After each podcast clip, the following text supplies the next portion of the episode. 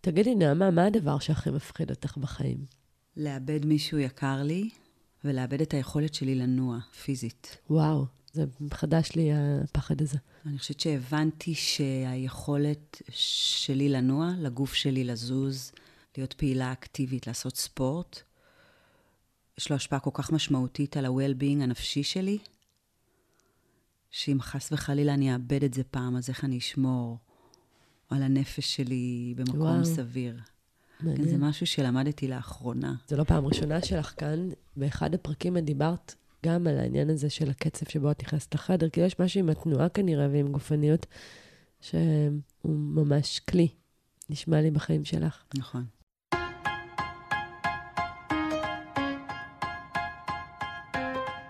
ברוכים הבאים, אני דנה רגב, מאמנת, יוצרת תוכן ומרצה בפודקאסט של מעלה בטוב. אני מבקשת לאתגר פרדיגמות, קונבנציות שהסלילו אותנו אליהן, בתי כלא שנבנו ב mind שלנו ושאפשר לפרוץ. להזיז אותנו מאזור המצוינות שלנו, לחבר אותנו לאזור הגאונות שלנו. בכל פרק אני מראיינת מומחה או מומחית בנושא חיים אחר, שמאפשר לנו לשאול שאלות חדשות שקשורות בנו ובחיבור שלנו לעצמנו. כי בעולם שבו הקבוע היחיד הוא השינוי, יש קבוע משמעותי שאם רק נכיר בו, נצליח לשגשג, לזכות בוודאות ובמצפן פנימי, והקבוע הזה הוא אני, כלומר את או אתה, או תוכן בקהילה שמעלה בטוב בפייסבוק, בערוץ של מעלה בטוב ביוטיוב ובאינסטוש שלי, רגב דנה. נעמה קמינר מבורך, היא מטפלת, יועצת ומרצה לפסיכולוגיה חיובית. אהלן נעמה. היי, שוב. נכון, וזהו, והיא גם בפעם השלישית כאן. פעם שלישית גלידה, היום יש גלידה, נכון? אני לא יודעת. אבל מה זה כיף. אנחנו נשקול, הקול שלי מסגיר את ה... הקול שלך מאוד... אה, הוא קול של שוקו חם או איזה דרינק דווקא. חם, עם ג'ינג'ר. כן. אז את יודעת, את מכירה את הסיפור מן הסתם, ואני הולכת אה, כאילו להתחיל דווקא את הפרק הזה בשיתוף אמיץ, עוד לפני שאנחנו יודעות בכלל על מה אנחנו לכאורה מדברות. אז אני אספר ותצטרפי אליי, כי את חלק מלפחות סופו של הסיפור הזה. אני מחשיבה את עצמי די אמיצה, וחוץ מזה שיש לי ברזומה קפיצה ממטוסים, דווקא אקסטרים זה לא הקטע שלי, אבל בעניינים אחרים אני כן יודעת להיות אקסטרמיסטית, לעבוד עם פחד, לאתגר את הגבולות שלי למרות הפרפור והרעד הפנימי. מה הכי גרוע שיכול לקרות? אבל להידחות, אימא'לה ואבא'לה. והשנה גיליתי עד כמה הפחד הזה מנהל אותי בלי שידעתי, ואיזה פרקטיקות אני יצרתי לעצמי כדי להימנע מהאפשרות המבהילה הזאת. אז לפני שנה, בסמיכות זמנים כזאת, התקשרו אליי משתי תוכניות טלוויזיה שונות להתראיין. לאחת צירפתי כי באותה שעה הייתי אמורה להרצות בחברה אחרת שכבר התחייבתי, והשנייה הייתה פשוט על, על טיסה שהייתה מתוכננת מראש. ובאמת, ברגע הלא, תהיתי אם אני יותר מבואסת או יותר מוקלת, כי בכל זאת המדיום הזה חדש לי ומלחיץ. אבל הטלפון של המפיקות היה שמור אצלי, וכשחזרתי מחו"ל, החלטתי כן באופן פרואקטיבי ליזום ולהציע את עצמי לקפוץ למים. ושתיהן לא השיבו לי. ושמתי לב שכשלא עונים לי להודעות, אני מספרת לעצמי סיפור. מבחינתי לא רוצים אותי. כי אני, אגב, יצא לנו לדבר על זה אחר כך, עונה, אני תמיד עונה. גם אם אני מתכוונת לסרב, וגם אם התשובה תהיה עניינית וקצרה, מענה יקבלו ממני. ואני לא אוהבת להשאיר אנשים תלויים בין מים לשמיים. אני יודעת איזה סטרס מייצר חוסר ודאות, ואני משתדלת לכבד. אז בחוויה שלי, אם לא עונים לי, כנראה שיש כוונת מכוון. ועברו חודשיים או חודשים, ויצא לי לצפות באייטמים שונים בתוכניות המדוברות, וכל הזמן ניסיתי להבין במה אני פחות טובה. וקיבלתי תשובות. הוא כתב ספר, היא מחזיקה בדוקטורט, הוא ממש מפורסם. בקיצור, ברור למה אני לא. רק שעם הזמן הגיעו גם ראיות מפריחות, ופתאום מרואיינים בלי תארים, או כאלה שלא כתבו ספר, גם הם נמצאו בתוכניות עצמן. ואותך, שהכרתי כבר משני פרקים שעשינו ביחד ושמאוד מאוד אהבתי, ראיתי בתוכנית. והאמת היא שמעבר לזה שמאוד התרשמתי מההופעה שלך, שהייתה מאוד רהוטה ומאוד mm, מעניינת, הרגשתי גם מספיק נוח לפנות אלייך. מספיק נוח יחסית, כי זה גם קצת הביך אותי, ולא רציתי להטריח וכולי, אבל כן פניתי לך בהצעה של, שאני אשמח להצ... להצעתך. ואת ענית מיד בהצעה שבואי ניפגש. ונפגשנו. בבית קפה בתל אביב, ישבנו שתינו. בשעה הראשונה בכלל דיברנו על החיים, היה לנו כזה סוג של בילדאפ אה, על הילדים, על עצמנו, ואז התכנסנו לדבר על מה שאני ביקשתי. אז אחרי שסייגתי היטב, אמרתי לך שאת לא חייבת להשיב. כל הגינונים, היתר לסירוב. שאלתי אותך איך את עושה את זה, איך מגיעים אלייך לרעיונות. את אמרת לי, מה זאת אומרת, אני פונה, אני פונה אליהם. אה, ברור. כן, לך. וזה הדהים אותי, כי אני לא מציעה את עצמי בדרך כלל. ואמרת לך שהפעם הנה עשיתי את זה, וכן, זזתי מאזור הנוחות, הצעתי את עצמי, והם לא ענו לי. ושאלת אותי, ואם לא עונים לך? אמרתי לך, אז אני פונה שוב. כן, את שאלת אותי, פעם אחת פנית? כן, נכון, נכון, שאלתי אותך פעם אחת, כן. אמרתי לך, אז תפני שוב. ואם לא יענו לי, אמרתי לך, אז תפני שוב?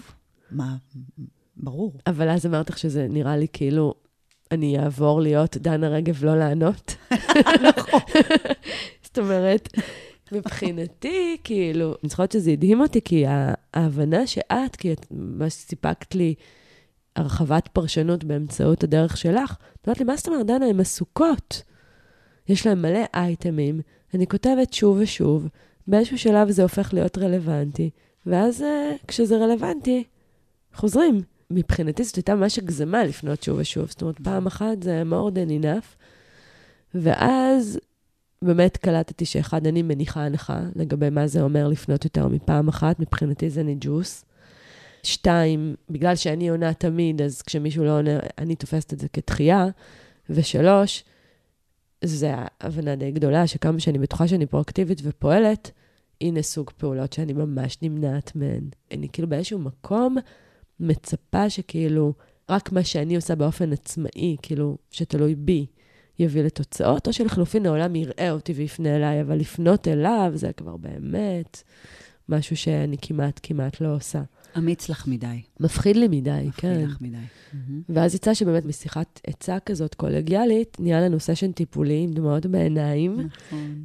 והבנו. שאנחנו מדברות בעצם על הפחד מתחייה. ואז את, באת ביציאה. בואי נעשה מזה פרק. אז אה, נתנו כיף וחיבוק. עברו כמה חודשים מאז, נכון. והיום אנחנו כאן בשיח שבועות על אחד הפחדים הכי גדולים שלנו, אה, מתברר של כולם. ובנונשלנטיות ובאלגנטיות את הבאת את עצמך באמת לפרק שלישי, שזה מהמם. אה, אבל את יודעת, זה קטע, כי אני רוצה להתחיל דווקא מזה. בעצם מצאנו שעבורי אי מענה זה דחייה, ועבורך לא. נכון. אז מה נתפס אצלך כדחייה? יש דברים שאת תופסת כדחייה? ברור. קודם כל, את יודעת, דחייה ברמה המקצועית, ברמה האישית, אנחנו, אנחנו מכירים כל מיני סוגים של דחייה. אבל דווקא במקום הזה, אם לרגע אחד נשאר במקום המקצועי, הבנתי בשנים שאני, שהעשייה שלי פה בישראל, כי לפני זה גרתי בחו"ל ושם עבדתי. בהתחלה כשהגעתי לפה, וזה גם היה מעבר תרבויות מאוד גדול, זה מאוד טלטל אותי. כי קיבלתי דחייה פעם אחת בפנים שאמרו לי, את יודעת מה, אני אהיה ממש כנה, אמרו לי, את מאוד יפה, אבל מה שאת אומרת, אין בו מספיק בשר. וואו. ומבחינתי זה היה כאפה משולבת, באמת. והמקום הזה הספציפי, המקרה הזה הספציפי באמת ככה, זה עשה לי סטבק מאוד גדול. הייתי בהימנעות כמה חודשים אחרי זה, הייתי צריכה לרגע אחד לשקם את המקום הזה של חוויית התחייה המאוד מאוד עוצמתית הזאת. אבל זה באמת הייתה איזושהי נקודת מפנה, ומהמקום ההוא למדתי המון פעמים, בעיקר, אני מדברת כרגע על המקום המקצועי, שגם כשאומרים לי לא, או דוחים אותי, או מתעלמים מהפניות שלי, זה באמת לא אישי, וזה לא מעיד על היכולות שלי. היכולות שלי לא תמיד תלויות במענה של העולם, או במענה של אדם ספציפי, לצורך העניין. זה נשמע אולי קצת סיסמתי, אבל זה באמת מתוך איזושהי עבודה פנימית שעשיתי במקום כן, הזה. אבל באמת, את יודעת, זו אמירה מאוד לא פשוטה, האמירה ששמעת, ואם יגידו אותה שוב היום, היא כבר תעבור לידך, זאת אומרת, היא לא... כן.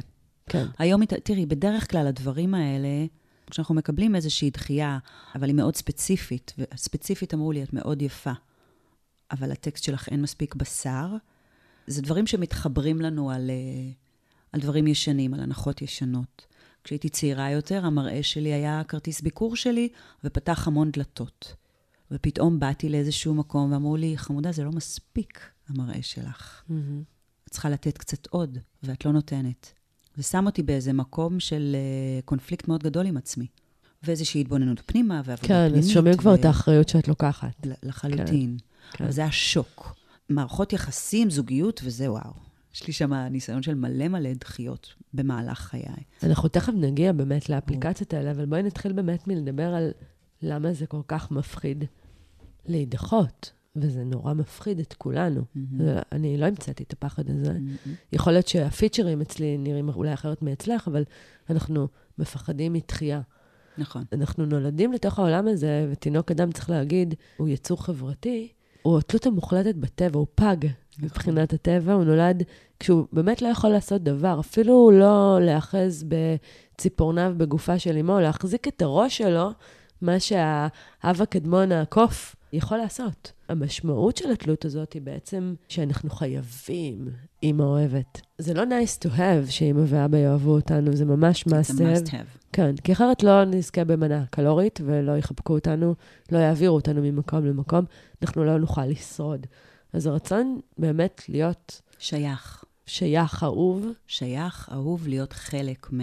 זאת מטרת על. זאת מטרת על, זה אחד הצרכים הבסיסיים ההישרדותיים לבני האדם. מינקותנו, וככל שאנחנו גדלים ותהליך החברות שלנו מתגבש, הרצון שלנו, זה לא רצון, זה צורך להיות שייכים, מתגבש גם הוא להתנהגויות, למסגרות, להחלטות שאנחנו לוקחים, למקומות אלה, שלהם אנחנו שייכים, ואנחנו מתנהלים, מתנהגים, פועלים, מחליטים ומתקדמים כל הזמן בכיוון השייכות. נכון. הרצון להיות חלק מ. וצריך להגיד, כאילו, גם כשאנחנו גדלים, השייכות הזאת תתורגם לשייכות לשבט. זה לא יהיה רק לאבא ואימא, כי באמת האדם, אם הוא הצליח לעלות ולהתעלות מעל שרשרת המזון, זה לא בזכות הכוחות המרהיבים שיש לנו כפרט, אלא בזכות הקבוצתיות שלנו. שרשרת החסינות היא מהותית. אנחנו לא יכולים לשרוד בלי הקבוצה שלנו. אז הדבר הזה מכוות אצלנו אבולוציונית, הוא קמאי, הוא קדום, ואנחנו חייבים, חייבים להרגיש שאנחנו חלק, חלק מ... מ. ובמובן הזה, תחייה היא... היא... היא קצת ההפך של זה. בדיוק. אם דוחים אותי, אני לא חלק מ. אני עלול למות נכון. ברמה הכי בסיסית. נכון. אני כאילו לכאורה עלול למות. נכון. אז אנחנו הולכים עם הפחד הזה, שהוא בעצם מכוות לנו מ... מאז ומעולם, מתינוקות, עד סוף חיינו, להערכתי. ואני מוצאת שיש מין ריקוד כזה שאנחנו מנהלים, ריקוד עדין בין הבקשה להשתייך בחוויית התלות, כן, שאנחנו חווים מול האחרים, לצד מטרה אחרת שהיא כאילו מתנגדת לזה, אבל היא באה מאותו מקום, הבקשה שלנו לעצמאות ולהבטחת האי-תלות שלנו. אנחנו כל הזמן מבקשים להתפתח ולשכלל את המיומנות. זאת אומרת, אני מבינה שאני תלויה בכם, אז אוקיי, בצד אחד בואו נעשה שנורא תאהבו אותי, אבל ברגל השנייה בואו נעשה שאני לא אזדקק לכם. נכון. זה היה כאילו פלן בי שלי במרכאות. זה השייכות, שהיא רצון בסיסי להיות חלק מ, לצד האינדיבידואליות, שבעצם אלה שני מנגנונים שפועלים בתוכנו ויכולים להיות הפוכים לחלוטין. נכון. אני לא יודעת אם אנחנו מביאות איזו בשורה ב-how to היום. אנחנו פשוט ככה, כמו שאת אומרת, שיח שוות, מסתכלות על המקום הזה, על הקונספט הזה, ממקום סקרני ששואל שאלות, וכמובן מעניק כלים זה גם חלק מהעניין. אבל בעצם שני מנגנונים מאוד טבעיים, הישרדותיים, שקיימים בתוכנו, בכולנו. נכון. שבעצם ברנה בראון, אגב, קרא לזה הפער בין שייכות להשתייכות. היא אומרת, הבקשה שלי להשתייך לאחר היא השתייכות, בעוד שההתפתחות הפנימית שלנו היא סוג של שייכות לעצמי, הנאמנות הפנימית הזו. אז זה הריקוד שאנחנו רוקדים כל הזמן. ובאמת, כשאנחנו מדברות, אנחנו עכשיו צוללות לתוך סדק מאוד צר, לפחד המאוד ספציפי הזה, אז איזה אפליקציות יש לפחד הזה בחיים עצמם? כי אני הצגתי באמת מצב, מצג שקשור בקריירה, גם את עשית את זה. רמזת, יש לזה עוד הרבה מאוד יישומים. איפה היא פוגשת אותנו ביום-יום? וואה, בכל כך הרבה מקומות, משחר ילדותנו ועד לבגרותנו. אה, ברמת הילדות זה, אנחנו משחקים בארגז חול ואתה לא משחק איתנו עכשיו. כשהילדים אחרי זה גדלים, או ילדים של היום, זה פותחים קבוצת וואטסאפ ואתה לא חלק מהקבוצה הזאת. או דחייה. שמישהו הוציא אותך מהקבוצה. דחייה. ממש. גדלים, גיל ההתבגרות, את מאוהבת במישהו מהכיתה, והוא כאילו מנפנף אותך, דחייה. רוצה להגיע, נניח, לצבא, להתקבל לאיזשהו תפקיד, ואומרים לך לא, דחייה. לימודים, רוצים להתקבל לאיזה תוכנית, לא מצליחים, דחייה. וכו' וכו' וכו', ואם ניקח את זה לחיים היותר בוגרים שלנו, מערכות יחסים, אנשים שאנחנו רוצים, מאוהבים, ואולי אפילו זכאים, זוכים ליהנות, אה, להיות באיזושהי תקופה מסוימת איתם, love story, אפילו נשואים להם, נגמר להם, לא בא להם, דחייה. כן. עולם ה dating היום, דחייה, ghosting, שזה כבר וואו, כן. בכלל איזשהו זה נושא עצום דחייה בפני עצמו. לדחות, כן. זה דחייה בלי. לדחות, בלי, כן, בלי שום אה, בלי הכנה מוקדמת, בלי. שום, כן, פשוט אנשים... מתפיידים. פנים- מתפיידים, התפיידות, כן. התפיידות חד צדדית. וגם כמובן כל המקומות המקצועיים שהם רבים, באמת יש לזה המון המון ביטויים. המשותף לכל ביטויי דחייה שאנחנו חווים, זה לא משנה, גם אם זה מערכות יחסים אישיות, גם אם זה תפקידים, גם אם זה בני זוג, גם אם זה בעולמות העבודה, הדבר המשותף לזה שזה גורם לנו להרגיש לא שווים עם עצמנו. כן. זה מאיים על ההוויה שלנו. זה כל כך הישרדותי. זאת אומרת שמישהו אחר דוחה אותי, it's about me. It's always כאילו about me. מבטל אותי. נכון. I'm not good enough. כן, תחושת הערך שלי מתאפסת. נכון. נתת הרבה דוגמאות, אבל אה, דוגמאות שהן הן באמת דוגמאות מהזן הנורא נוכח. אומרים לי, אתה לא חלק מהקבוצת וואטסאפ הזאת, לא מקבלים אותי לרעיון עבודה, אני באודישן, ואומרים לי, ממלא, את יפה, אבל אה, אין כאן הרבה בשר, או לצורך העניין. נכון. אני כותבת פוסט ולא מגיבים עליו, אלה דוגמאות נוכחות, מוכרות, אבל יש גם סמי-דחיות, נכון? שהן כאילו שזורות בחיים שלנו, הן לא... אנחנו לא תמיד אפילו ערים לזה שעכשיו הופעל פה טריגר ואני מגיבה לתחייה. למה את מתכוונת? אני אתן לך דוגמה, את יודעת מה, זה קרה לי עכשיו, אני חזרתי לא מזמן, כמו שאת יודעת, מווייטנאם, עם בן הזוג שלי ועוד זוג חברים, וכשהייתה לנו טיסה נורא ארוכה לארץ, כאילו סך הכל שלוש טיסות, 30 שעות, וואו. ובהתחלה, כאילו, ממש איך שהתחילה ההמתנה, אני גם הייתי בסטרס מכל הנסיעה הזאת, וגם התחיל הסטרס מהחזרה לארץ. את מכירה את זה? מתחילה התכונה, כאילו, פתאום מיילים, אה, משימות, אה, כל מיני to-do list, וזה פתאום, אתה לא יכול לעשות שום דבר כדי לקדם את זה, אבל זה פתאום מין מרקם כזה, או מקשה אחת כזאת של המון אה, דברים שמחכים לי. נכנסתי למין סטרס ודיברתי אותו בקול רם. וליאור, בעלי החמוד מאוד, אבל גם יחד עם זה, אני כבר מכירה את התפוח האדיש מאוד, הגיב במין חוסר תגובה. ובאיזשהו שלב אמרתי לעצמי, בתוכי, מה אני צריכה עכשיו? ואמרתי, אני צריכה חיבוק, וזה משהו שאני לא נוטה לעשות. אז קמתי מהספסל שלי, וניגשתי לספסל שלו, ובעודו בטלפון באתי ואמרתי, אני צריכה חיבוק, וחיבקתי אותו.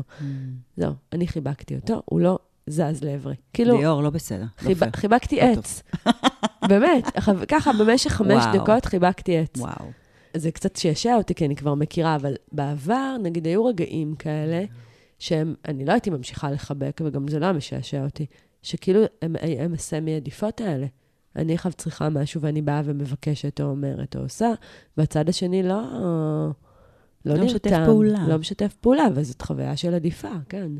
זה יכול להיות כשאת באה לספר מה קרה לך בעבודה, ומישהו מגלגל עלייך עיניים, מזלזל קצת בכאב שלך, זה, זה לא דחייה מפ- מפורשת. נכון. או שאפילו באה, תחשבי על, נגיד, את באה לספר לחברה משהו שיושב לך, שמפריע לך, והיא כזה, אוי, נו, את והשטויות שלך, וממשיכה הלאה. כן, זה סמי דחייה. זה דחייה של משהו שרציתי לחלוק, שחשוב לי, שבוער לי, והצד השני כאילו, את יודעת, חזלש את זה. כן. אבל אני חושבת שזה קורה הרבה יותר ביום-יום נכון, שלנו, ואנחנו נכון. רוב הזמן, נכון. הצד שד... שלכאורה, כן, אנחנו אה, חווים אותו כדוחה, לא ער לזה, ואנחנו לא ערים בכלל לעובדה שכרגע נדחינו, ואנחנו מגיבים מהמם. לתחייה, ופה כבר נולד משהו במערכת יחסים שלא תמיד אנחנו ערים לו. נכון. אז בעצם זה קיים בחיים שלנו, זה נורא מפחיד אותנו. זה ההפך מהצורך הכי עז שלנו באמת להשתייך ולהרגיש אהובים, וכדי לא להרגיש את זה, אנחנו מפתחים כל מיני פרקטיקות שיגנו עלינו מפני דחייה. נכון. כל מיני אסטרטגיות נכון. פיצוי. את יודעת, אני רוצה לחלוק איתך משהו. אפרופו הרצון הזה להשתייך והפחד מדחייה. לפני כמה שנים אנחנו חזרנו לחיות בישראל, אני, בעלי ושלושת הילדים. עכשיו, הילדים שלי נולדו וגדלו בארצות הברית. בעלי גר מחוץ לישראל 37 שנה, ועברנו לגור בישראל במושב, אוקיי? בהתבוננות לאחור, אני מסתכלת על עצמי ואני עשיתי כל מה שצריך כדי שנראה שייכים. כדי שלא יזהו בשום צורה שהיא את העובדה שאנחנו לא באמת מפה. Mm, אם זה הבית ששכרנו, הרכב שקנינו, כל ההתנהלות בבית, זאת אומרת שלא יראו שום סממנים. מה, להיות בתלם, לא לבלוט, לא, לא לפה לבלוט. ולא לשם? לא לבלוט. כן. אנחנו שייכים, אנחנו חלק. מה זאת אומרת? אני ישראלית, ברור, ובעלי, איזה ישראלית, כאילו.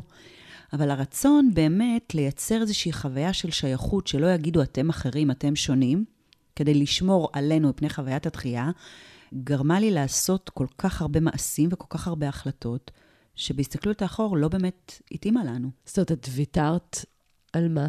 את ויתרת. על אותנטיות. כן, עלייך. איך זה היה נראה אם לא, אם היית מגיעה, נגיד, בלי, בלי הצורך, בלי הפחד הזה, והיית וואו. אותנטית? כאילו, מה, מה היה שונה במציאות? מה, היית קונה רכב אחר? זה שם? זה ברמה, את יודעת, הדוגמה של הרכב זה היה ברמה, זאת אומרת, זה, זה איזושהי דוגמה מאוד אה, חומרית לצורך העניין.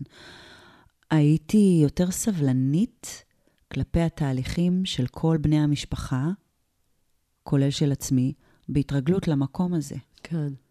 אז אנחנו מייצרים, בלי לשים לב, איזושהי הכחדה עם הכלל, כדי לא להידחות, כדי להיות חלק מ, כדי שנתקבל. נכון. וזאת אסטרטגיה. לי דווקא יש, את יודעת, הדוגמה שלי דווקא אסטרטגיה כאילו הפוכה, Mm, שהביאה אותי בחוויה, גם שעשיתי כזה, צללתי פנימה כדי לנסות להבין איך אני נמנעת מ, mm, מתחייה. אז אני יותר נקטתי בשיטת ה-hard to get. ואני לא יודעת אם את ערה לזה, אבל כאילו יש מין קטע כזה שאם אני רק אלבש את הכסות הזאת של אני סנובית ואני לא בטוח אה, בעניין. שאני בעניין, אז אני מראש שם את עצמי במקום שיותר קשה לדחות אותי. זו אני ששוקלת, זו אני שעוד לא קיבלה החלטה, זאת אני שאתה עוד לא משתייך אליה כל כך, ושלא Mm. כזה פשוט להשתייך אליה. Mm-hmm. והמצחיק הוא שאני זוכרת, בלי שהייתי ערה לזה שזאת אסטרטגיה של אה, הימנעות מתחייה, שהיא בעצם נובעת מפחד, אני זוכרת את הרגע שהחלטתי שאני הולכת ללבוש כסות של סנובית. אני זוכרת, כאילו, באמת, אני יודעת, זה באמת משעשע. ללבוש כסות של סנובי. כן, אני ממש זוכרת. שבין כיתה י' לי"א, כאילו, Mhm. הרגשתי שעד כיתה י' הייתי ילדה טובה ותלמידה טובה וכולי, ועכשיו אני גם רוצה להיות עוד משהו. אני רוצה להיות גם שווה, אני רוצה גם להיות מחוזרת, אני כבר Mm-hmm. סיגלתי הליכה חדשה. וואו. כן. איזה קטע זה? אגב, זה מצחיק, אני זוכרת את זה, ובאותה נשימה, שנים אחר כך אמרו לי, נגיד, אנשים שהכירו אותי אחרי תקופה, אמרו לי, יואו, בהתחלה חשבנו שאת סנובית, וזה נורא הפתיע אותי, אמרתי, אני? איזה קטע שכולם מתרשמים ככה, זאת אומרת, בכלל לא קישרתי, וואו. ובאמת, כאילו, אנשים אמרו לי, כן, את נראית כמו מישהי ש... ואמרתי, מה פתאום, זאת הביישנות שלי, ולוקח לי זמן. ואמרו לי, וואו. ואז שמכירים אותך באחד לאחד, יש כל כך הרבה חום ולבביות וכולי, ותמיד זה הפתיע אנשים, וזה גם הפתיע אותי, ו... ואז בעבודה עצמית קלטתי שהיה רגע שאני החלטתי וואו. שאני מעדיפה לעבור לצד הזה. אבל יש משהו בזה, נכון? באסטרטגיה הזאת שמבטיח שזה גם עובד, במובן הזה ש... שבן אדם משדר את זה, יכול להיות שהוא מרחיק מעליו אנשים, Mhm, כן? נכון. יכול להיות שהוא גם משלם הרבה מחירים, אני בטוחה. נכון. אבל הוא מגן על עצמו. אבל הוא מגן על ממש. עצמו. כן, לי קשה לדחות מישהו שמראש אומר, אני לא... אני לא ממש עוד בעניין. מעניין. אבל זאת לא האסטרטגיה היחידה. לא, יש עוד. כן. את יודעת, יש גם את המקום הזה, שאנחנו פשוט אה, מציבים איזשהו רף נמוך לרצונות שלנו, למטרות שלנו, לאנשים שאיתם אנחנו מסתובבים. מה שנקרא באנגלית to play it safe. Mm, And if I play it safe, I don't get hurt. אני הולכת על בטוח. אני הולכת על בטוח. כן, אז איך זה, איך כדי- זה ייראה במציאות? זאת אומרת... זה אה, כאילו הגברים האלה שלא יתחילו עם בחורה שנראית להם שהיא out of the league, כזה מין? זה בוורסיה הבוגרת יותר, כן, מהמם. של נגיד מערכות יחסים. זה כאלה שלא יגישו מועמדות לתפקיד שהוא אולי גדול מהם, או אפילו מותאם ליכולות שלהם, אלא תמיד יגישו מועמדות לתפקידים שהם קצת uh, overqualified. כן. יש מישהי שעבדתי איתה בזמן האחרון, איזו בחורה צעירה, שאמרה שהיא אף פעם לא פונה באפליקציות לבחורים שלטעמה נראים טוב מעל רמה מסוימת, כי זה ברור לה שהם לא ירצו אותה. זה ברור לה. כן. כן. אפילו לא, היא לא ניגשת לשם. הגם שהיא הייתה רוצה, זאת אומרת שהמראה מאוד. הזה מושך היא יודעת אותה. בדיוק מה הלוק שמושך אותה, היא רוצה, היא יודעת בדיוק מה היא רוצה, והיא תימנע תמיד מלפנות זאת אומרת, למי היא מראש. מתפשרת עם הרצונות שלה עם ועם הנאמנות. שלה לעצמה, נכון. כי היא לא מאמינה שיש לה סיכוי בכלל, אז היא מעדיפה לא להיחשף לתחייה הזאת. היא פשוט על ידי בחירה של בחורים שלא נראים כמו שהיא רוצה, אלא נראים משמעותית פחות טוב ממה שהיא רוצה, היא אה, מגנה על עצמה מחוויית דחייה. והיא עושה את זה באופן מודע לחלוטין, והיא ממשיכה לעשות את זה. כן. וזה יבוא לידי ביטוי באמת בהקשרים כאלה, אבל זה יבוא לידי ביטוי גם במקומות העבודה, בבחירה שלנו מה ללמוד. חד משמעית. אגב, אני מאוד מקשרת את זה בהרבה מובנים לאסטרטגיה פרפקציוניסטית. זאת אומרת, גם בדרך כלל אנשים שהם פרפקט... לקח לי זמן להבין את זה גם לגביי, זה באמת, אתה חייב להצליח. אז אם אתה חייב להצליח, אתה מגיע לזירות שבהן אתה בוודאות תקבל 100, אתה בוודאות תהיה טאלנט במקום הזה. נכון. אתה פחות מאתגר את עצמך, נכון. כי התוצאה היא מאוד מהותית. אני אגיד אפילו יותר מזה, על המקום הזה, אני חושבת שיש אנשים שזה נהיה ה mindset שלהם בחיים, למה הכוונה. האופן שבו אני מגדירה את עצמי, את איך שאני רואה את העולם ואת החיים, הוא פשוט קצת יותר מצומצם. כן. ויצא לי להיתקל באנשים כאלה של, אני לא עכשיו קריירה וללכת ולעשות, מתאים לי הג'וב הקטן, לא צריך לנסוע לחו"ל כל הזמן, כאילו אנשים שקצת, ויש אנשים שזו העדפה שלהם וזו הבחירה שלהם וזה בסדר. אני לא באה להגיד מה טוב או לא, מה לא טוב, אבל איזה שאנשים שההגדרה שלהם היא יותר מצומצמת כדי לא להעיז יותר. את יודעת, זה נורא טריקי מה שאת אומרת עכשיו, מעניין. בעודי אומרת את זה, כן. אני מרגישה שזה טריקי. כי הרי שתינו יודעות שלא הנסיעה לחו"ל ולא הקריירה המפוארת הם מה שיקנו לנו, אה, לא יודעת מה. אה, חוויית אה, ערך באמת מבוססת יותר, או אושר, אם נרצה כאילו ללכת ממש למושג החמקמק הזה. אז אם בן אדם הוא מספיק מבוסס בתוכו כדי להגיד, אוקיי, אני שלם עם- ומסתפק במה שיש לי, ונוח לי בתוך ה... אני יכול ליהנות מהדברים הפשוטים, את ואני, כאילו לא בדיוק נלך ונאתגר את המקום הזה. מהמם, נכון. אבל את מדברת על משהו אחר, את אומרת, זה לא משם. הוא היה רוצה, נכון, אבל הוא מרים ידיים. נכון. הוא מרגיש תבוסה מראש. נכון. אפריורית הוא אומר, זה לא בשבילי, אני לא מתאים לדבר הזה, ואני נכון. כבר rejecting myself.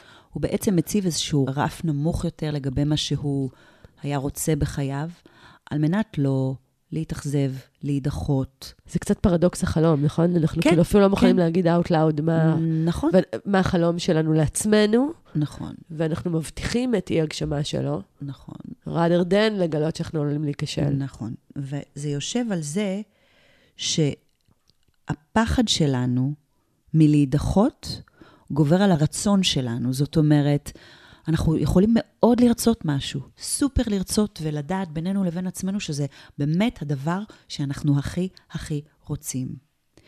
ופעמים רבות בחיינו, הפחד מזה שלא ירצו אותי, מזה שידחו אותי, גובר על הרצון הפיור, הרצון שלי להיות איפשהו, להגיע כן. לאנשהו, להיות עם מישהו, להגשים חלום. זה סופר חשוב מה שאת אומרת, כי זה באמת אולי הריקוד הכי מעניין. יש כאילו שני רצפים. יש את הרצון ל ויש את הפחד מפני. ועכשיו השאלה היא, איזה אסטרטגיה אני מייצרת בחיים שלי? וחשוב לציין, אולי אני קצת מקדימה פה, שזה לא בהכרח או-או. אלה שני צירים שאנחנו רוצים ללמוד את הריקוד, איך בעצם רוקדים בין שניהם, כן. זה לצד זה במהלך החיים. כן. כי הם באים ביחד, באופן פרדוקסלי והפוך, אבל הם באים ביחד. הרצון ל והפחד מ. כן. אז אמרנו שיש לנו את הקטע הזה של אני דואגת להיות כמו כולם, קצת עדרית כדי לא להידחות. אני דואגת דווקא להבליט, להבליט את עצמי מעל כולם ולשחק אותה עליוניסטית, סנובית, hard to get, כדי להבטיח את זה שאני, uh, לכאורה, אני אשחק את המשחק של אף אחד לא יכול לדחות אותי. ללכת על בטוח, להקטין מראש את הזירות שבהן אני משחקת את המשחק שלי, ואז להבטיח את הניצחון שלי, או לא, או לא באמת להת, להתעמת עם היכולת שלי להפסיד או לצאת מהמשחק. אבל יש עוד פרקטיקות שבהן אנחנו נמנעים מהפחד הכי גדול שלנו להידחות, ואחת מהן היא פשוט להימנע. אנחנו נמנעים מלעשות דברים, נכון? לחלוטין. וואו, that's a big one. אנחנו נמנעים מלעשות דברים, אנחנו דוחים לעשות דברים שיאתגרו את המקום הזה. אנחנו דוחים לעשות דברים בגלל הפחד מ... הפחד מלא להצליח, הפחד מהדחייה, הפחד מזה שלא נקבל את התוצאות שאנחנו רוצים. הימנעות ודחיינות הם אחת מהמאפיינים הכי גדולים של החברה בת ימינו. וזה בא באמת עם מקום כזה של עולם שמצד אחד מעודד אותנו להגשים חלומות, לצעוק את החלומות שלנו, לעודד את האינדיבידואל שלנו, ללכת הכי רחוק כדי להיות מאושרים, ממומשים וכולי, ומצד שני? ומצד שני, בתוך המקום הזה של לך, תעוף, תעשה, יש איזה פטיש, לא של חמש קילו, של 200 טון, שאוי ואבוי לך אם לא תהיה שייך. סכנת הדחייה בתוך המקומות האלה. זאת אומרת, לך תגשים את עצמך, תממש את עצמך, אבל תצליח בזה. נכון. וזה כאילו מרימים לך, מרימים לך, מרימים לך, מרימים לך, וההתניה פה היא כל כך גדולה שאתה חייב להצליח כדי שלא יתמוטט עליך הר של חוויית הדחייה. ווואו, it's really hard, זה ממש ממש קשה. יש את אלה שאפילו הסתירו מעצמם את החלומות שלהם. אני חושבת שרובנו לא ממש יודעים לגמרי מה אנחנו רוצים. רוב, לדעתי רוב האנשים, היום שתשאלי אותם מה אתה באמת רוצה, הם יודעים להגיד מה הם לא רוצים, mm-hmm. מה הם רוצים שיפסיק. נכון. מה הם רוצים שהבוס לא יהיה, מה הם רוצים שהבן זוג ישנה בעצמו, הבת זוג תשנה בעצמה. נכון. אבל מה באמת אתה רוצה? שאלה נורא קשה למענה. נכון. וחלקנו, שגם כבר כן יודעים מה הם רוצים, הרבה פעמים, אני לפחות נתקלת באנשים כאלה, ממש דאגו לא ללכת למסלול הזה. אנשים שהחליטו לא ללמוד רפואה, נכון. או לא נכון. לנסות בכלל להתקבל, mm-hmm. למרות שבתוכם זה החלום ישן, חלום ילדות.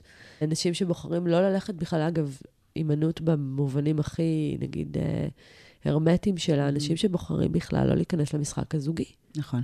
ויש להם תיאוריות גדולות, מופלאות ומעניינות על למה. למה לא? מלבד העובדה הכנה שהם פשוט מפחדים. ששוב, כן. אני, אני לא שופטת, אבל זה מקומות שאנחנו מכירים. וסביב ההימנעות, המאפיינים שסביב ההימנעות, יש המון סיפורים שאנחנו מספרים לעצמנו ואנחנו מאמינים בהם, אבל אם נסתכל באמת ככה פנימה, זה יושב על, ה, על הפחד הזה מהדחייה. כן. מזה שלא יקבלו אותי, שיגידו לי לא, שיסרבו לי. ותכף נסביר, אנחנו לא היינו מעלות את זה אילולא היו מחירים שאותו אדם, אנחנו, משלמים כשאנחנו נותנים לפחד הזה לנהל אותנו. ריצוי. אוי ויי, יס. גם זה מתקשר איכשהו לניסיון שלנו. אם אני רק אספק את צרכיו, אם אני רק יבין למה הוא זקוק, הוא לא יעזוב אותי. Mm. וואו, זה חתיכת uh, התמודדות, הריצוי. הרצון שלנו, ואפילו בסיטואציות מסוימות, האופן שבו אנחנו מקדישים את חיינו למלא אחר מה שאנחנו תופסים כרצון של מישהו אחר. ואני אחזור על זה שוב. אנחנו לעתים במלאכת הריצוי, כי זה מלאכה, כן. מקדישים את חיינו למה שאנחנו תופסים כרצון של מישהו אחר. על מנת שהוא ירצה אותנו. It's about us. It's about us, בסופו של זה דבר. זה לא באמת about him, ואת no. לא. אומרת מה שאנחנו תופסים. מה שאנחנו תופסים. כמה שהוא רוצה. כהרצון של הצד השני. התפיסה כן. שלנו זה הפרשנות שלנו. כן. בחלק גדול מהמקרים. אתה עושה כל כך הרבה על מנת להימנע ממשהו, שזה כשלעצמו קונספט מאוד בעייתי. אז זה מה שאתה משקיע גם, אגב, אנחנו, אם אנחנו עסוקים בתשומת הלב שלנו והפוקוס, הגם שהוא רוב הזמן לא מודע, כן? נכון, נכון. אבל הוא על, לצורך העניין, דחייה, אז אנחנו בעצם משקיעים דחייה. נכון.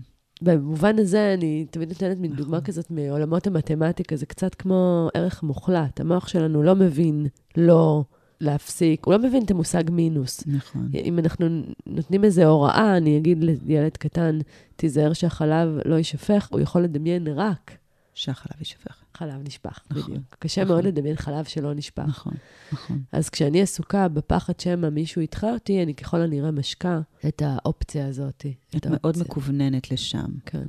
אה, אגב, גם לא כל כך קל לדחות אחרים. אנחנו, כיוון שזה כל כך קשה לנו להידחות, אנחנו גם לפעמים דוחים את התחייה של האחר, אנחנו קצת עוקפים את זה. Mm-hmm. גוסטינג, את נתת את זה כדוגמה, נכון. זו דוגמה מרהיבה כן. מהעידן הזה. כואבת למדי, כואבת עבור מי שחווה אותה, ממש. שנובעת מחוסר יכולת להתמודד עם החוסר נוחות שכרוכה בלהגיד למישהו, תקשיב, לא מתאים לי הקשר הזה יותר. את צודקת, זה שני דברים. זה לצד אחד, מצד אחד, זה חוסר היכולת הבסיסי להגיד לבן אדם, תקשיב, זה לא מתאים לי, לצד ריבוי האפשרויות האחרות שיש לי. כן. שזה פשוט uh, משבש עלינו קצת את דעתנו. פומו. פומו. וזה מייצר התנהגויות והתנהלויות שהן, וואי, הן ממש מבאסות. את יודעת, אני עובדת לא מעט עם אנשים, רווקים, רווקות, שחווים כאילו ghosting בקטע, אני שומעת סיפורים, אני באמת נדהמת לפעמים. את יודעת שיש גם ghosting בעבודה. כן. כן. כן, בהחלט יש ghosting בעבודה. דרך אגב, יש גם ghosting בצד העבודה, גם מצד אה, העובדים, ויצא לי להתקל גם ב ghosting מצד המנהלים בעצם, שרוצים להוביל את העובדים שלהם להתפטרות אה, כזו או אחרת. כן, אבל האמת היא שאנחנו מדברות כל הזמן על הפחד הזה, ממה הוא נובע, ואיך זה נראה במציאות, ואיזה פרקטיקות אנחנו מייצר, מייצרים לעצמנו כדי כאילו לעקוף את החוויה הזאת. האמת היא שאנחנו משלמים מחירים כבדים על כל הטריקים שלנו. כי אנחנו משקיעים אנרגיה גבוהה מאוד בפחד, ואנחנו לא מתקצבים את הרצון שדיברנו עליו קודם. וכשאני עסוקה בלוודא שאני לא נדחית לצורך העניין באפליקציית היכרויות, אני לא עסוקה בלהכיר בני זוג פוטנציאליים, או כשאני מוודאת שלא יסרבו לי ברעיון עבודה, אני לא הופכת כל אבן כדי להגיע למשרה שאני אולי כן חושקת בה. וכשאני דואגת שהוא לעולם לא יעזוב אותי ומבססת עליונות, ואני חזקה לכאורה ואני לא מראה פגיעות, אני מגבילה את האינטימיות, שזה אולי בעצם הצד השני של מה שאנחנו מדברות עליו. אני חושבת שהפחד מדחייה, שהוא מנהל אותנו, כפי שהבנו עד עכשיו, הוא באמת מונע מאיתנו אינטימיות, קרבה, שייכות, ביחד. אני אוסיף ואומר שהפחד שלנו מדחייה, וכל אסטרטגיות הפיצוי שאימצנו לעצמנו בדרך מתוך הדבר הזה, הוא לוקח מאיתנו חופש. כן. החופש להיות אותנטי. להגיד את מה שאני רוצה, צריך, מעדיף. זה חופש. נכון. זה חופש בסיסי שאנחנו במו ידינו לוקחים מאיתנו, מתוך הפחד הזה, הפחד הזה שהוא כל כך גדול, הפחד שלנו מחוויית הדחייה, שבעבורו אנחנו מוכנים לוותר על הרצון שלנו, שהוא משמעותי לא פחות, להיות בקרבה, להיות שייכים, להיות ביחד, להיות באינטימיות. נכון. אנחנו גם מעבירים את זה לילדים שלנו לא פעם, את הפחד mm, הזה. יס, יס, יס, יס, יס. יש פה הרבה עבודה עם הילדים. את יודעת, כש... כשילד קטן בא הביתה ואומר, היום בגן, טה-טה-טה-טה, הילד הזה והזה לא רצה לשחק איתי. איך אנחנו מגיבים הרבה פעמים? אל תשחק איתו, יש מלא, אחרים, מלא ילדים אחרים. הפסד שלו. מה אנחנו עושים כשאנחנו עושים את זה? כשאנחנו מגיבים ככה, אנחנו נותנים להם יד ועוזרים להם לברוח מחוויית הדחייה. מחוויית ה... לשבת עם חוסר הנוחות שהרגש הזה, שהחוויה הזו מעורר בנו. כן. להבנתי המקצועית והאישית, מה שכן נכון לעשות בסיטואציות כאלה. ובכל פעם שאנחנו עושים את זה, שאנחנו עוזרים להם לברוח מחוויית הדחייה, אנחנו מונעים מהם אה, אה, לגדל ולחזק את השריר הזה. זה איזשהו שריר. כן. שאנחנו רוצים לחזק. והנכון יותר לעשות במקומות האלה, זה לשאול שאלות סקרניות. הוא לא רצה לשחק איתך. וואו, באסה, איך זה הרגיש? כן. לשאול אותם באמת על המקום הספציפי הזה, איך זה מרגיש להם, בלי לפחד. מה עשית? מה עשית? איזה אפשרויות יש לך במצב כזה? נכון. כן. את יודעת, זה, אנחנו, אני חייבת לשתף אותך בסיפור שצף לי, כשאנחנו מדברות על ילדים. זה סיפור מצחיק, נו. אבל הוא ממש מדבר על זה. כשאני הייתי קטנה, אהבתי נורא ילד אחד. ממש אהבתי אותו, ממש אהבתי אותו מאוד מאוד, בין כיתה א' לג', אהבה גדולה. ובבית שלי קראו לו לא חשוב, כי כל פעם ששאלו אותי את מי אני אוהבת, הייתי עונה בלא חשוב, ואז שרו לי גם בלילה בלילה, לצאת הכוכבים, דנה ולא חשוב, מתחתנים. עשו לי הרבה, זה כאילו, הקניטו אותי. ובסוף כיתה ג', המורה הודיעה שלא חשוב, עוזב לעיר אחרת. וגם המורה, אה, המורה גם עזבה את הכיתה, והיא ביקשה שנכתוב, אה, שנעשה ברכות וניפרד ממנו, ובמקביל גם עשינו מסיבה. אה, מסיבת סיום, ובמסיבה הזאת אה, אני התנדבתי בעצם, נידבתי את הבית שלנו והיא התקיימה אצלנו. ובארגון שעשיתי, בתור ילדה קטנה, בת אה, שמונה וחצי, כיתה ג', לקחתי על עצמי בין השאר להכין חבילה עוברת. ואני הנדסתי אותה. זה הולך להיות מעניין, הסיפור הזה? זו הייתה תוכנית, נרקמה תוכנית, ומה שעשיתי, כי ידעתי שהוא עוזב, וידעתי שאני מאוד אוהבת אותו, ומאוד רציתי לקבל acknowledgement, אני מניחה.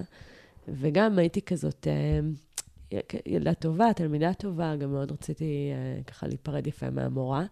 אז אה, הכנתי חבילה עוברת, שכולה כל מיני משימות ושאלות, את יודעת, נגיד גנריות, עד לנקודה שבה כתבתי, תני לילד החתיך של הכיתה, וידעתי שלא חשוב ככל הנראה יזכה בחבילה. ואז תן לבת שאתה אוהב, התוכנית הייתה שלא חשוב יקום ויגיש אותה כמובן לשפחתך פה, ואז תני למורה של, אה, תני למורה, ובעצם מה שחיכה למורה זה המתנה. אז אני אמורה לזכות בכבוד משני הצדדים. אז הגיע הרגע המיוחל, ואני נרגשת ולבושה היטב, אה, ומגיע הרגע, ובאמת, כאילו, אחרי שזה קפץ 15 פעמים על רגל ימין, והוא עשה ככה, והיא עשתה ככה, תני לב, לב, לבן החתיך של הכיתה, ואכן לא חשוב זוכה בחבילה. תן לבת שאתה אוהב, והוא מגיש אותה לחברה הכי טובה שלי. Oh my God. Oh שהיא מגישה את המתנה למורה. עכשיו, אני אסופה, מהודקת, עד סוף הערב הזה, ובסופו אני פורצת, כשכולם הולכים, אני פורצת uh, בבכי. ואימא שלי החמודה מסבירה לי שהוא בעצם כן אוהב אותי, הוא פשוט התבייש להודות בזה. וזה מניח את דעתי. עד גיל 18, שאז פתאום צף הסיפור, ואני מאמתת את אימא שלי, אומרת לה, תגידי, מה, למה שהוא לא... לא make sense, משהו פה, יש חור בעלילה, כאילו, למה, למה שהוא לא יתבייש להודות באהבתו לחברה שלי? אה, אבל זה מעניין, כי באמת אימא שלי עשתה הכל, אני חושבת על זה בתור, אה, כאילו, היום אימא, כדי שאני לרגע לא אחווה את החוויה המאוד לא נוחה הזאת, שכן, אני אוהבת מישהו, והוא לא אוהב אותי חזרה. הרצון שלנו להגן עליהם, בהרבה מקרים, לוקח מהם את היכולת להתמודד עם רגשות שליליים ורגעים קשים. לפעמים יכול להיות משהו נורא מתסכל, ואין אשמים. אין אשמים, זה פשוט ככה. כן. Mm-hmm. החיים יותר מורכבים מישר אה, להפעיל את המתג הזה שמפיל את האחריות על הצד האחר, או... משאיר אותנו כקורבן, בלי יכולת לקחת אחריות ולעשות עם זה משהו. ואפשר להגיד, כי אנחנו הולכות תכף לכלים, בעצם מה אנחנו יכולים לעשות, ש...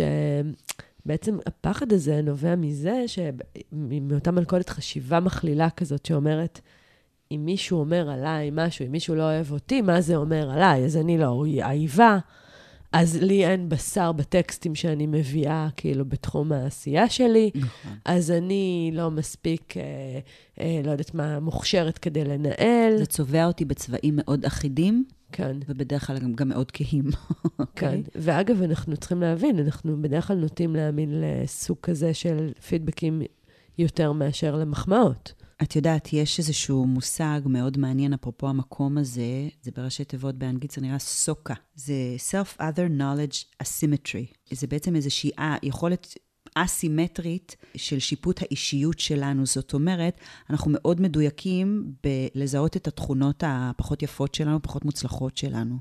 בעוד הצד השני מאוד מדייק בלזהות את התכונות הטובות שלנו, ואיך זה mm. קשור לזה. כשמישהו דוחה אותי, ישר יוצא לי פלט של הרשימה של התכונות השליליות שלי. של, אה, ah, ברור, זה רק הוכחה לזה שהוא דחה אותי בגלל שאני אה, לא באמת כזאת יפה, לא מסוגלת, לא מספיק חכמה וכולי. זאת אומרת, היכולת שלנו לזהות את המקומות החלשים שלנו, היא יכולת מדויקת יותר וחזקה יותר, וזה מעוגן במחקר.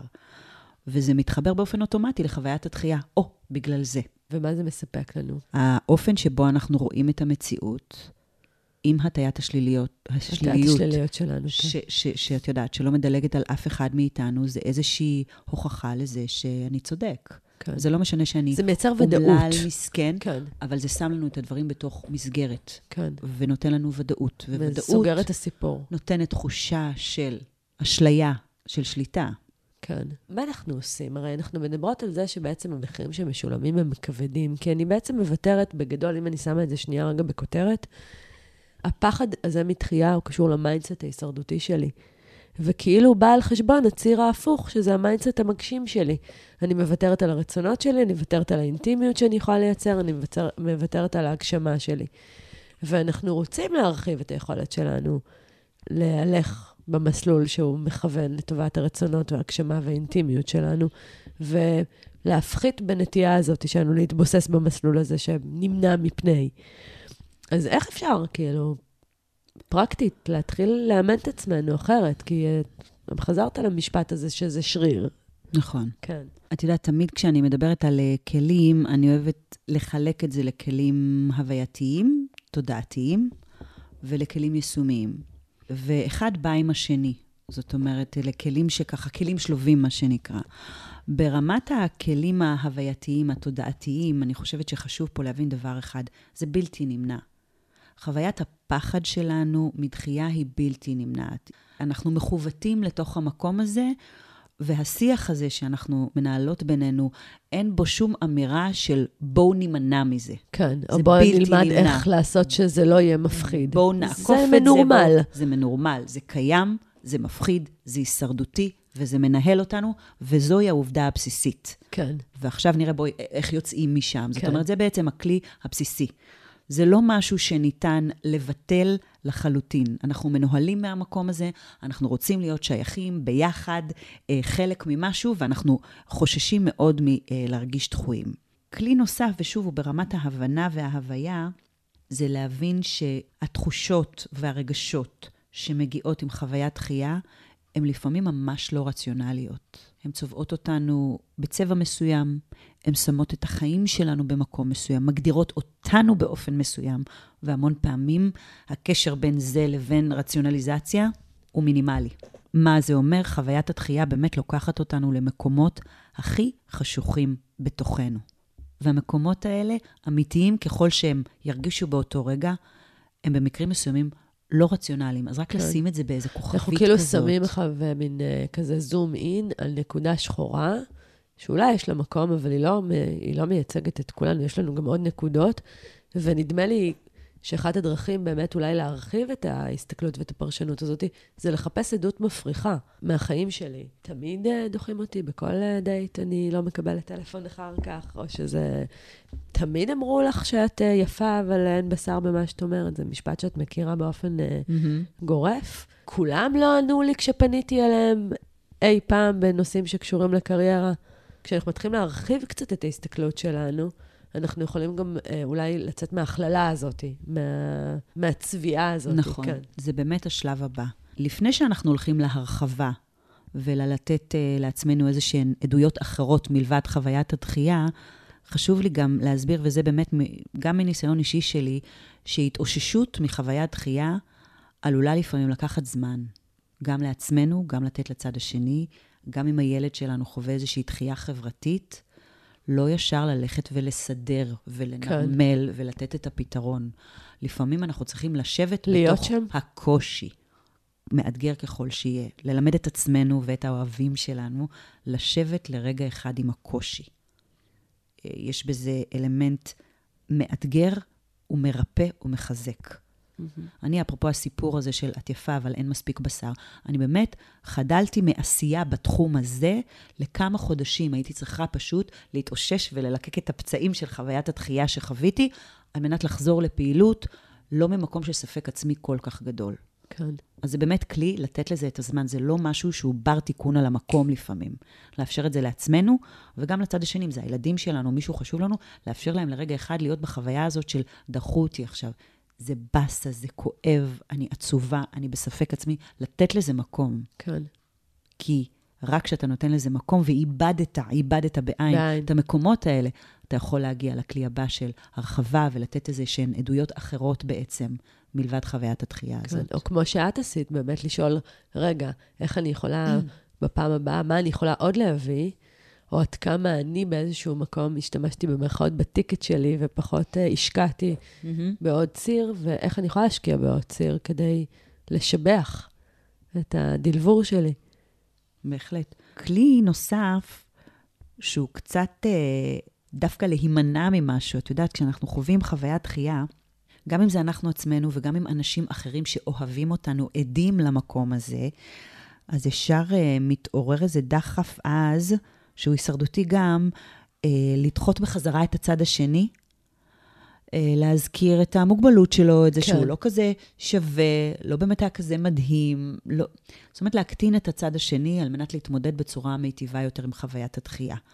את יודעת, כשהייתי צעירה יותר, ומישהו היה בועט בי ואומר לי, כאילו, ביי, לא רוצה אותך יותר בצורה זו או אחרת, אז היינו נאספות, כל החברות שלנו, היינו חונטה של חברות, ומה היינו יושבות? משחירות את הזורק ומעלילות אותי כדי לתת לי להרגיש טוב.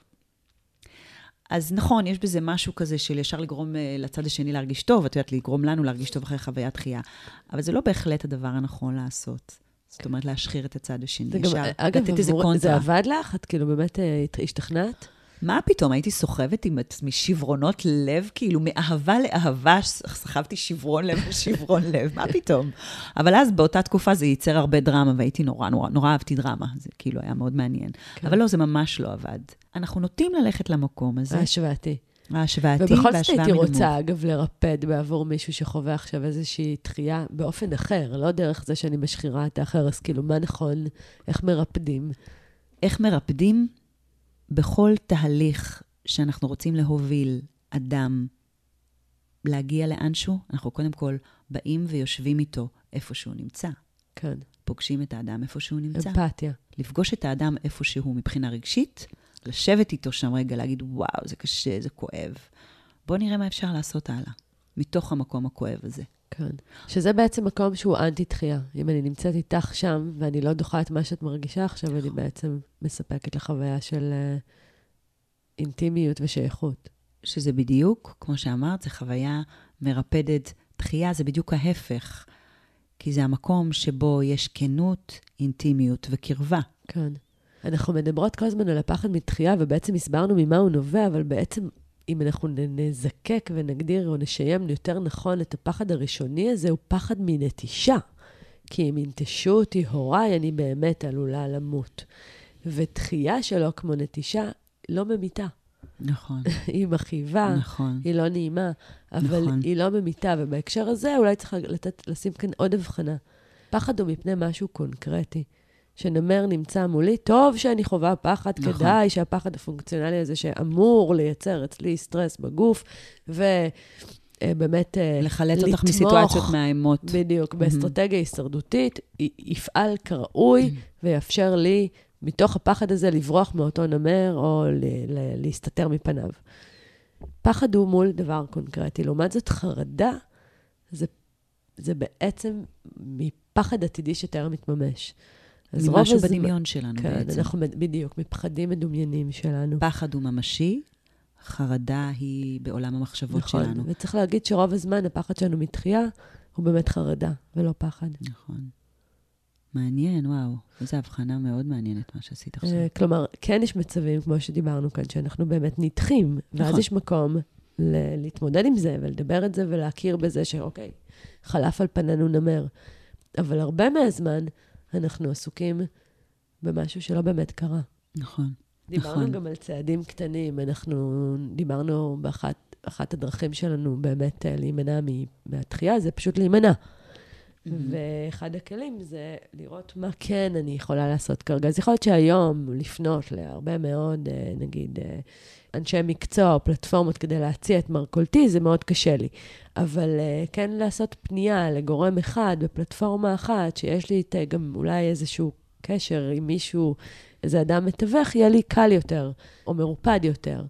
יכול להיות שלצאת uh, כרגע לעלות באפליקציות עם תמונה ועם פרופיל לטובת דייטים, עבורי ממש מפחיד.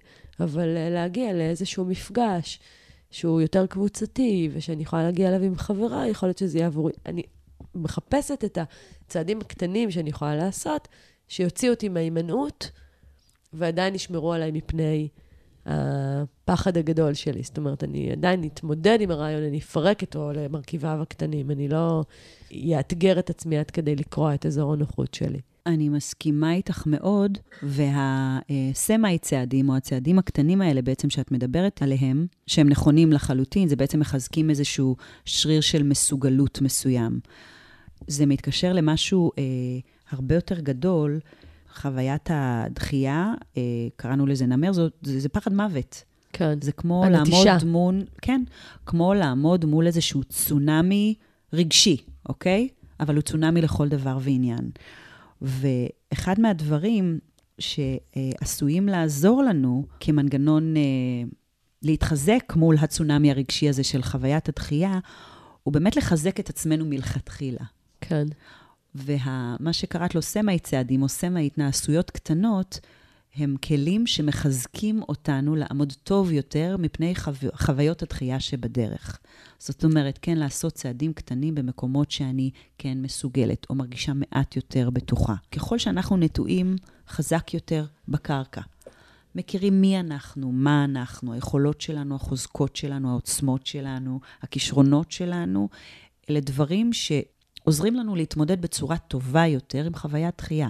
כן, ככל שהתשתית שלנו, ביחסים שלנו עם עצמנו, אגב, הפרקים הקודמים שלנו, mm-hmm. יותר מבוססת, אז באמת אנחנו פחות דוחים אותנו, והיכולת שלנו להידחות הולכת ופוחתת. נכון. בסוף, mm-hmm. הדרך הכי טובה להתחשל היא פשוט להתחשל. נכון. כלומר, זה כאילו להידחות. נכון. להיות מוכן לשים את עצמך פגיע.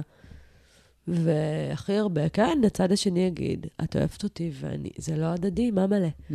וזה הכי לא נעים בעולם. נכון. אבל זאת המציאות. נכון. והיא מלמדת אותך שאת חווית משהו מאוד לא נעים עכשיו, ולא מתת. נכון. וזה מצייד אותנו. כן. זה לא נותן שום הבטחה לחיים ללא כאב, ממש לא. נכון. אבל זה נותן איזושהי תחושה של יכולת פנימית שאני יודעת שגם אם עכשיו אני חווה קושי גדול, חוויתי דחייה גדולה, מישהו שאני מאוד מאוד רוצה, אוהבת, סיים את הקשר. קשה לי, אני יכולה להיות עצובה וכואבת ובוכה, אבל כשיש לי את הסנטר הפנימי הזה, אני יודעת שיש לי לאן לחזור בסופו של דבר. לפעמים יש אנשים שבאופן uh, סיסטמטי הם נדחים, ואני חושבת שבמצבים כאלה, אולי זה מחזיר את הזרקור אליהם. לא כהאשמה, אלא כבקשה לבחון משהו. ומה זה הדבר הזה שאני משחזר בחיים. ולפעמים איש מקצוע הוא פתרון וכלי הכי יעיל במצבים שבהם אנחנו מרגישים שאנחנו חווים משהו שהוא יותר קיצוני, שהוא פחות, אה, נגיד, אה, גנרי. אז גם... Mm, נכון, אני ממש מסכימה איתך במקום כן. הזה. רציתי להגיד, בזמן שאת אומרת את זה, רציתי להגיד לך, דנה אבל אנחנו לא תמיד יכולים לעשות את זה על עצמנו לבד. לבד, כן. אז איש מקצוע, עיניים טובות, אובייקטיביות ומקצועיות, בהחלט יכולות לעזור לנו במקומות האלה, של מה שאני קוראת, לפחות בפרקטיקה שלי, של היכולת לשבת עם עוד זוג עיניים ולהרחיב את האופן שבו אני מסתכל על חיי. כן. לא רק מהמקום של אני דחוי סדרתי, אני דחויה סדרתית, אלא מהמקום של באמת לשאול את עצמנו את השאלות, זה, זה שב ועולה בחיי. בואו לרגע אחד נבדוק מאיפה זה בא. כן, ומה זה משרת. ומה זה משרת. כן. וזה באמת עבודה שקשה לנו מאוד לעשות לבד, לבד. על עצמנו. כן, באמת. עד כדי בלתי אפשרי. אני רוצה נורא להודות לך על השיחה הזאת. שוב, היה לי ממש ממש כיף.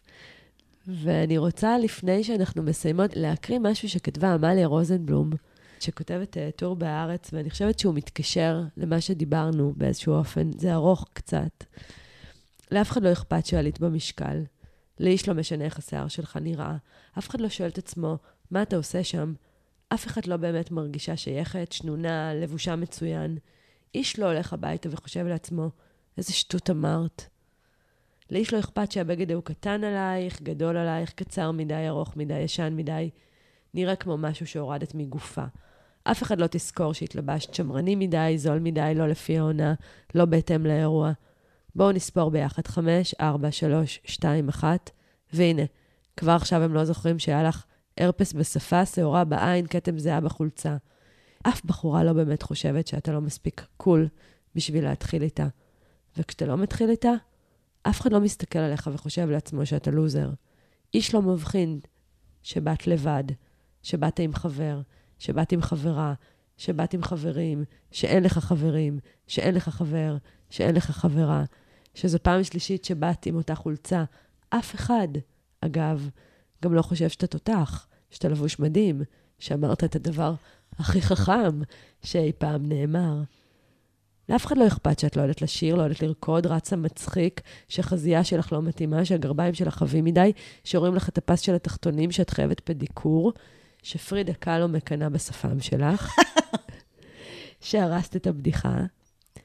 רגע אחרי שהם אמרו לך את הדבר המעליב ההוא, הם כבר שכחו מזה, הם לא מתארים לעצמם שאת הולכת להיזכר במשפט הזה יום כן, יום לא, במשך העשור הבא. אף חברה לא תאהב אותך לנצח בגלל שהגעת לאירוע, או בגלל שזכרת את יום ההולדת, או משום שהבאת לה את המתנה המושלמת. אף אחד לא מעריץ את ההקרבה שלך. ככל שתמהרי להבין שאת לא יכולה לרצות את ההורים שלך, כך החיים שלך יהיו יותר טובים. אחרת, כשתעמדי על הפסגה שכבשת עבור אמא שלך, תגלי שכל מה שרואים משם זה את הפסגה הבאה. אף אחד לא חושב שאתה יותר מוצלח ממנו רק בגלל שיש לך אוטו שעולה כמו דירה בגבעתיים, או שאתה נורא חכם כי עשית אקזיט. הם חושבים שהיה לך מזל, ואתה גם יודע שהם צודקים. ואגב, אף אחד לעולם לא יודע שצדקת, ואיש לא מבין שהוא עשה טעות. והנה עוד אמת חשובה, אף אחד, אבל אף אחד בעולם לא חושב שהוא צריך לבקש ממך סליחה. איש לא מדבר עליך מאחורי הגב, גם אם תיכשל בצורה נוראית, גם אם תצליח בטירוף, הם ידברו עליך בקושי שתי דקות. אחרי זה הם יעברו לנושא שהכי מעניין אותם בעולם. הם עצמם. והתרכזו בפחד שלהם מכך שאחרים ממש כמוך מדברים עליהם. אם אתם לא מאמינים, תחשבו על זה כך. כמה זמן מהחיים שלך אתה באמת מדבר על גל גדות, על יאיר לפיד, על אילון מאסק, על איך קוראים לו שעשה את הדבר הנפלא ההוא, הנורא ההוא, הבלתי נשכח? רואה? את בקושי זוכרת את שמו.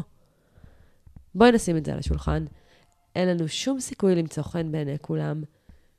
בעבור הפרה-היסטורי, כשחיינו בשבטים של 47 אנשים, כל חברי השבט אכן דיברו באותה שפה, זכרו את אותו צונאמי, סגדו לאותו בול עץ, אכלו את אותן עדשים, גרו באותה מערה, נלחמו באותו נמר, התמודדו עם אותן סופות ברקים, חלמו לצוד את אותה אנטילופה גדולה, לכן זה אז היה מציאותי לשאוף להרגיש בנוח בכל קבוצה ובכל מצב, משום שזאת הייתה כל הזמן אותה קבוצה, וכי רוב המצבים היו ידועים מראש. בצורת, קומזיץ, שרפה, איילה וחוזר חלילה. אבל מאז עברו איזה 50 אלף שנה. היום, אם את לא מסתדרת עם שבט אחד, תסובבי את הגב ותראי, יש מאחורייך מצדדייך, מעבר לפינה, כמות אינסופית של אנשים אחרים ושבטים אחרים, שאת מתאימה להם בדיוק. הדבר שאנחנו באמת זקוקים לו כדי לשגשג, זה לגלות את האותנטיות שלנו. אני מפסיקה כאן, למרות שזה רק חלקו של הקטע, וממליצה למי שרוצה להמשיך. וואו. לקרוא.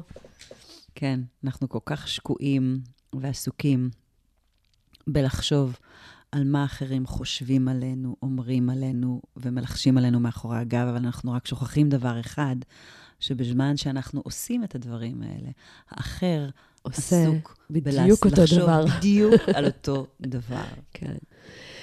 אז אה, טוב, נעמה, היה ממש כיף. אני תוהה מה, מה, על מה נדבר בפרק הרביעי, תמיד, זה... תמיד כיף, כן. נכון? לי היה מאוד כיף. אז באמת, איך היה לכם? מקווה שנהניתם בנימה אישית בפרקי הפודקאסט מושקע זמן, מחשבה ומשאבים רבים בניסיון לזקק ערך משמעותי, לאפשר למידה, הגמשת תודעה וכלים מעשיים. השיתופים שלכם, המלצות ברשתות החברתיות, ההודעות המרגשות שלכם על תמורות אמיתיות בחייכם, כל אלה הם שכר משמעותי עבורי. אני מודה לכם מקרב לב. מבטיחה להגיע עם קול אחר בפעם הבאה, אה, פחות מצונן. ניפגש כאן שוב בעוד שבועיים. בינתיים, תעלו בטוב ושבוע טוב.